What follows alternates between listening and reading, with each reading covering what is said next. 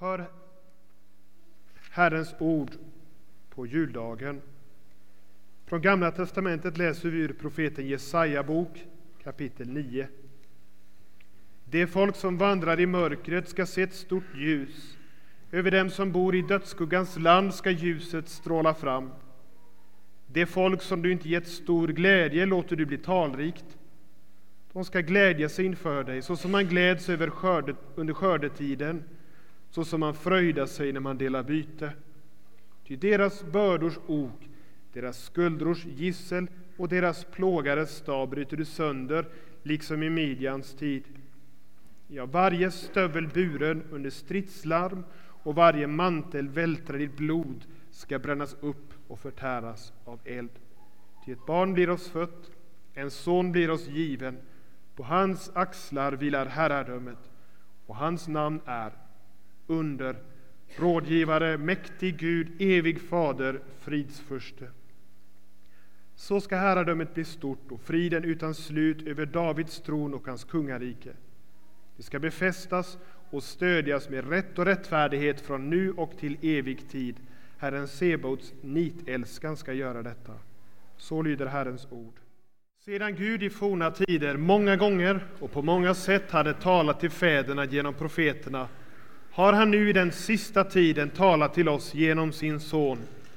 Honom har han insett till att, insatt till att ärva allting och genom honom har han också skapat världen. Sonen utstrålar Guds härlighet och uppenbarar hans väsen och uppehåller allt genom sitt mäktiga ord. Och sedan han utfört en rening från synderna sitter han nu på majestätets högra sida i höjden. Så lyder Herrens ord. Gud, vi tackar dig. Och orden är hämtade från Lukas andra kapitel. Och det hände vid den tiden att från kejsar Augustus utgick ett påbud att hela världen skulle skattskrivas. Detta var den första skattskrivningen och den hölls när Quirinius styrde i Syrien. Alla gick då för att skattskriva sig, var och en till sin stad. Så reste också Josef från staden Nasaret i Galileen upp till Judeen, till Davids stad som kallas Betlehem, eftersom han var av Davids hus och släkt. Han kom för att skattskriva sig tillsammans med Maria, sin trolovade, som var havande. Medan de befann sig där var tiden inne för henne att föda och hon födde sin son, den förstfödde. Hon lindade honom och la honom i en krubba eftersom det inte fanns plats för dem i gästrummet. I samma trakt fanns några herdar som låg ute och vaktade sin jord om natten. Då stod en Herrens ängel framför dem och Herrens härlighet lyste omkring dem och de blev mycket rädda. Men ängeln sa, var inte rädda. Jag bär bud till er om en stor glädje för hela folket. Idag har en frälsare fötts åt er i Davids stad. Han är Messias, Herren. Och detta är tecknet för er. Ni ska finna ett nyfött barn som är lindat och ligger i en krubba. Och plötsligt var där, tillsammans med ängeln, en stor himmelsk här som prisade Gud. Ära åt Gud i höjden och frid på jorden bland människor som han älskar. När ängeln hade lämnat dem och återvänt till himlen sa herdarna till varandra. Vi måste gå in till Betlehem och se det som har hänt och som Herren låtit oss veta. De skyndade iväg och fann Maria och Josef och barnet som låg i krubban. När de hade sett det berättade de vad som var sagt till dem om detta barn.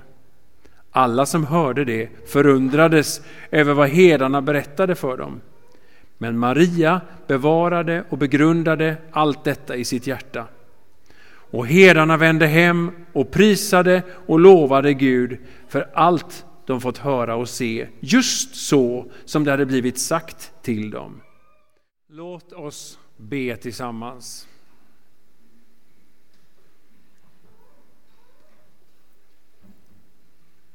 Käre Far i himmelen, vi tackar och prisar dig för att vi får lov att fira jul, att vi får lov att stanna upp inför julens mirakel, julens budskap.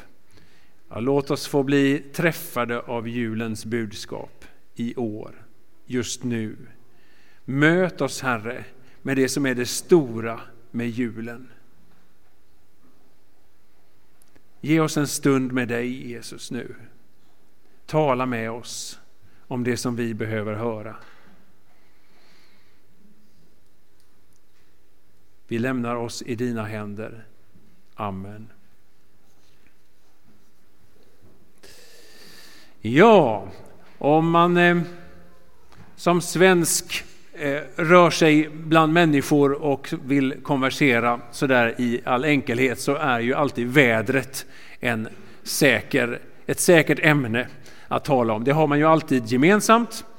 Eh, men när det börjar närma sig juletid så kan man märka att eh, folk dristar sig till att byta ut frågan om man tycker att det är trevligt när det är plus två grader och sådär och, och småregnigt till ja, hur ska du fira julen då? Eh, och då kan man ju få alla möjliga svar om man är bland människor i allmänhet. Ja, man kan ju man kan få höra att hela tjocka släkten träffas i många dagar och firar och har jätteroligt. Man kan också få höra att vi firar inte jul för vi är muslimer. Man kan få höra någon som säger att jag brukar bjuda hem några människor som jag vet är ensamma i jul Eh, och så delar vi julen med varandra. Och ytterligare någon kan eh, säga att äh, jag har tröttnat på det där med julen och eh, åker till Teneriffa istället. Och oavsett hur vi nu, hur mycket vi firar och, och, så, så kan man, om vi stannar upp och sätter allt julfirande som finns i relation till den första julen, så nog var det någonting som skedde i, i enkelhet. Där fanns det inte någon fest och inga presenter. Det var några djur som höll, höll sällskap med Josef och Maria som fick sitt första barn, Jesus, på julnatten. Och det är klart att det var speciellt för dem, men hur var det inte så speciellt att det föds ett, ett barn till? Det gör det ju hela tiden i världen. Men det är i vår texts andra del med herdarna där på ängen, med äng, mötet med änglarna som eh, vi får förstå hur stort det är. Med ängelns proklamation av vad det är som händer, att det är något historiskt. Ja, det är någonting som kommer att förändra historiens gång för alltid.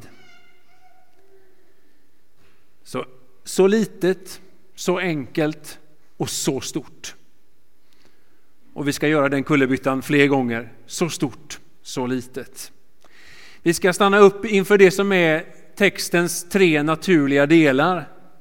Jesus som föds där i Betlehem, mötet med ängeln och änglahären eh, och herdarna och herdarnas besök i Betlehem. De tre delarna ska vi stanna för. Ehm, och vi börjar med att läsa att det här hände eh, i samband med att eh, kejsar Augustus utfärdade det här påbudet om att världen skulle skattskrivas, den romerska världen. Eh, och till att börja med så kan vi säga att eh, det fäster den här berättelsen om Jesus födelse vid en plats i historien. Det vi ska få lyssna till är inte en allmänt eh, sedelärande fabel eller en söt saga, utan det är på riktigt. Det är vid den tiden, och det, vi vet att sen är det inte enkelt att fastställa exakt tiden, för den här skattskrivningen var ingenting som var gjort sådär i, i ett huj, utan det pågick under ett antal år och det fanns ett antal olika skattskrivningar. Men det är ändå så att vi kan, eh, vi vet att det ägde rum skattskrivningar och vi vet eh, därför att det här har en plats i historien. Men någonting mer som eh, eh, vi kan ha med när vi hör ordet kejsar Augustus eller Caesar Augustus. Det är att eh, det är en väldigt spännande kontrast mellan kejsaren Augustus i yttre härlighet och glans och den Messias som beskrivs, som föds. Och där det talas om, om frid och fred, eh, som kommer med frid och fred. Eh, det, gjorde ju, det talades ju om att Augustus också kom med sin Pax Romana, en, en världslig fred byggd på militär makt och ordning och Jesus som kom med en helt annan frid och fred. Jesus han föds under enkla omständigheter. Eh, men jag får eh, nog eh, slå hål på lite, lite bilder om det här med stallet i utkanten av, av, eh, av stan. Därför sannolikt är det snarare så att stallet var en del av ett judiskt boningshus som liksom övergick i en plats för djuren. Jag besökte förra året något som heter Nazareth Village eh, och där kan man besöka en rekonstruktion av eh, ett, ett eh, judiskt boningshus från Jesu tid. Där fanns även en synagoga och en vinpress. Eh, och jag var inne i det här huset och det är en ganska öppen, öppen planlösning, så det var inne redan på den tiden. Eh, och, och, kanske var det bara delvis under, under tak. Så att det här att Jesus eh, föddes väldigt avskilt från liksom, eh, civilisationen och, och liksom utkastad, det, det, det är inte så troligt. Det kanske till och med var så att de hade fått bo i husets gästrum eh, tidigare, för det är ingenting som säger att de kom precis när barnet skulle födas, utan de var där när barnet skulle födas. Eh, men att gästrummet kanske var för litet och att de fick flytta från gästrummet och till den större delen som var stalldelen. Hur som helst så Jesus föddes, han föddes i Betlehem och han föddes i en viss tid i historien. Låt oss nu gå till den andra delen med herdarna på ängen. Och jag eh, tänker mig att vi som sitter här idag är vana bibelläsare. Och vi har läst och vi har hört den här berättelsen många, många gånger. En av de bibeltexter vi kanske har hört flest gånger och återberättats för oss på många, många sätt. Och ändå så tror jag vi är ganska dåliga på det här med att tänka på hur det är när berättelsen händer för första gången. Vi tänker liksom på de här, det är lätt att tänka på de fromma herdarna, att de skulle sova en stund först innan det fantastiska händer att änglarna kommer. Men de visste ju faktiskt inte att änglarna skulle komma. Låt oss ha det med oss. För när någonting händer första gången så vet man det inte innan. Så det började som en natt likt alla andra nätter med ansvar för, för fåren. Men så avbryts natten av detta helt otroliga änglabesök där på ängen. Och ängeln som säger, var inte rädda, jag bär bud till er om en stor glädje för hela folket. Idag har en frälsare fötts åt er i Davids stad, han är Messias, Herren. mäktigaste tänkbara påannonseringen. Och när det talas om frälsare här, då ska vi vara medvetna om att frälsare är för oss ett, ett ord som är förknippat bara med Jesus. Men på den tiden så var det fler som omnämndes med det epitetet, nämligen just kejsar Augustus. Han talades också om som en, en, en frälsare. och, Eh, och nog var Augustus herre över mycket. Men så kopplas det ihop. Han är Messias. Och det är i Davids stad. Nu kommer det in någonting helt nytt. Messias i Davids stad. Hör ni? Hör ni herdar? Det som ni har fått lära er om Messias som ska komma, det är nu. Och fram till nu så är det liksom så stort. Det är verkligen påannonsering och det handlar om någonting i kejsarklass. Och så, vad är då tecknet? Hur ska ni upptäcka det här?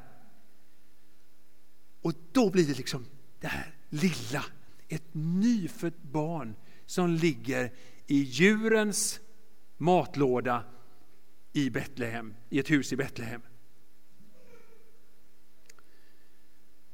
Det är Messias, alla Guds löften som här får sitt ja och amen. Annonserat av ängeln och uppbackat av en kohort av änglar. Vi ska stanna upp ett ögonblick inför att det sägs att det är i Davids stad. Det är mycket starkare än att säga att det är Betlehem, utan ängeln är liksom riktigt sådär överpedagogisk och trycker på att det är Messias i Davids stad och kopplar ihop det med den messianska koppling som finns eh, till David och som vi läste om i Jesaja-texten, i vår gamla testamentliga text idag.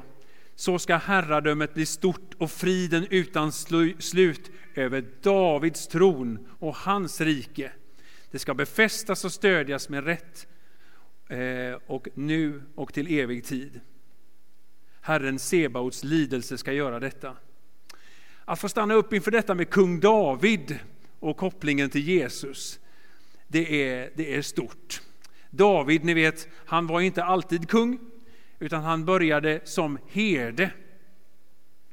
Eh, och Niklas påminde väldigt härligt om, om det igår, eh, ni som var med eh, vid samlingen vid, vid Krubban, om att jobbarkompisarna var de som var först på plats.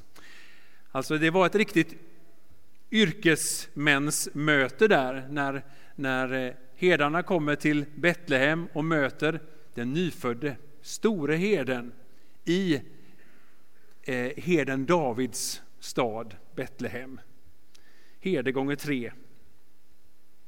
Eh, och så är Jesus den store herden. Vidare så blev ju David en stor kung. Men nu kommer en ännu större kung. David blev smord. Ni vet, det är en fantastisk berättelse om hur David blev smord. Där profeten Samuel letar sig igenom syskonskaran och till slut kommer till den yngste. Och så blev han smord. Den blev den smord till kung. Eh, Messias betyder den smorde. Och Jesus blev smord genom sitt dop i Jordan, genom den heliga Ande till att vara frälsarkungen. Så är David en, en föregångare på det sättet till Jesus. Och vi vet inte hur mycket herdarna förstod, men säkert något. Sen kommer änglarnas lovsång och som ytterligare understryker vad det är som händer där inne i Betlehem. Där de sjunger ära åt Gud i höjden och frid på jorden bland människor som han älskar. Eller människor som, han, som hans välbehag vilar över, skulle man också kunna säga. För läser vi det noga så är det ju faktiskt inte så att vi här till alla fredsivrare på jorden har ett löfte om världsfred. Men det finns ett löfte om frid och fred eh, för alla de som åtnjuter Guds välbehag. Och det är någonting annat. För det är det som är julfridens verkliga innehåll att Jesus kom till jorden genom att födas i Betlehem, leva, dö och uppstå för vår rättfärdighets skull, vår rättfärdiggörelses skull. Han skapade frid, riktig frid, mellan Gud och människa på korset. Så när vi ser på det nyfödda barnet Jesus där i Betlehem så är det starten på det nya. Han är fridsfursten som vi också läste i vår gammaltestamentliga text idag i Jesaja 9.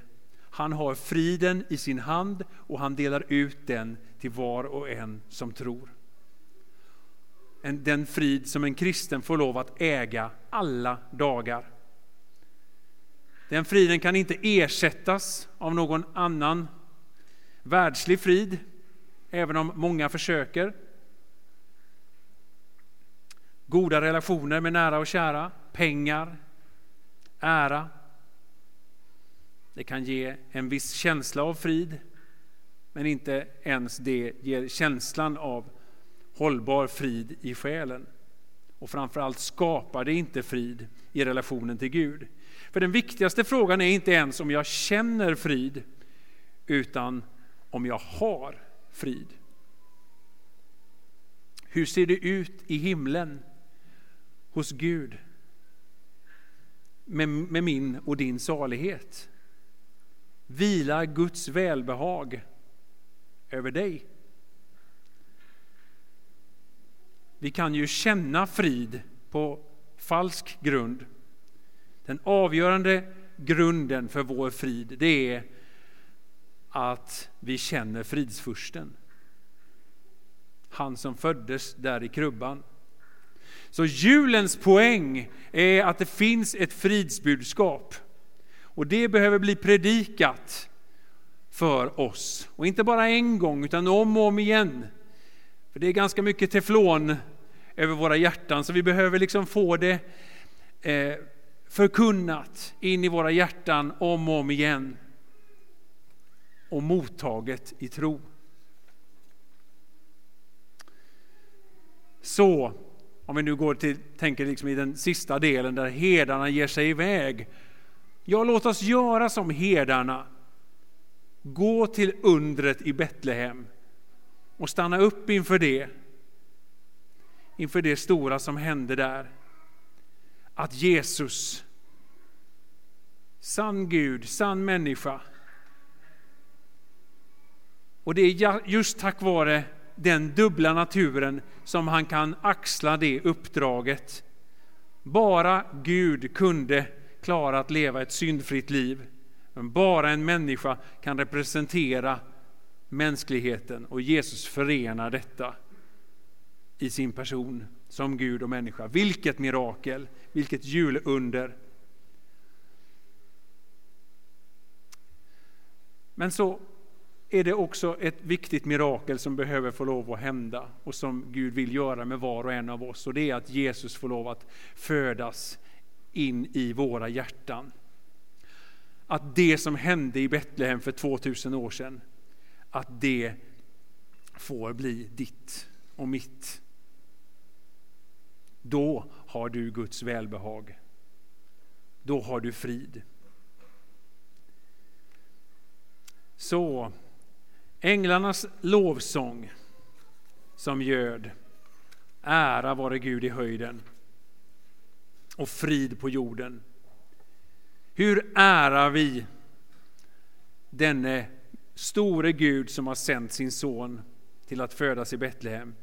Jo, genom att ta emot det som vi, som vi får lov att ha, friden, genom att med våra liv inte leva i bortvändhet genom att just ära Gud i lovsång till honom som har gjort allt gott för oss, som har skapat frid. Och genom vårt vittnesbörd föra detta vidare. Det finns frid att få. Att det får lov att gå ut vidare från oss i ord och i handling.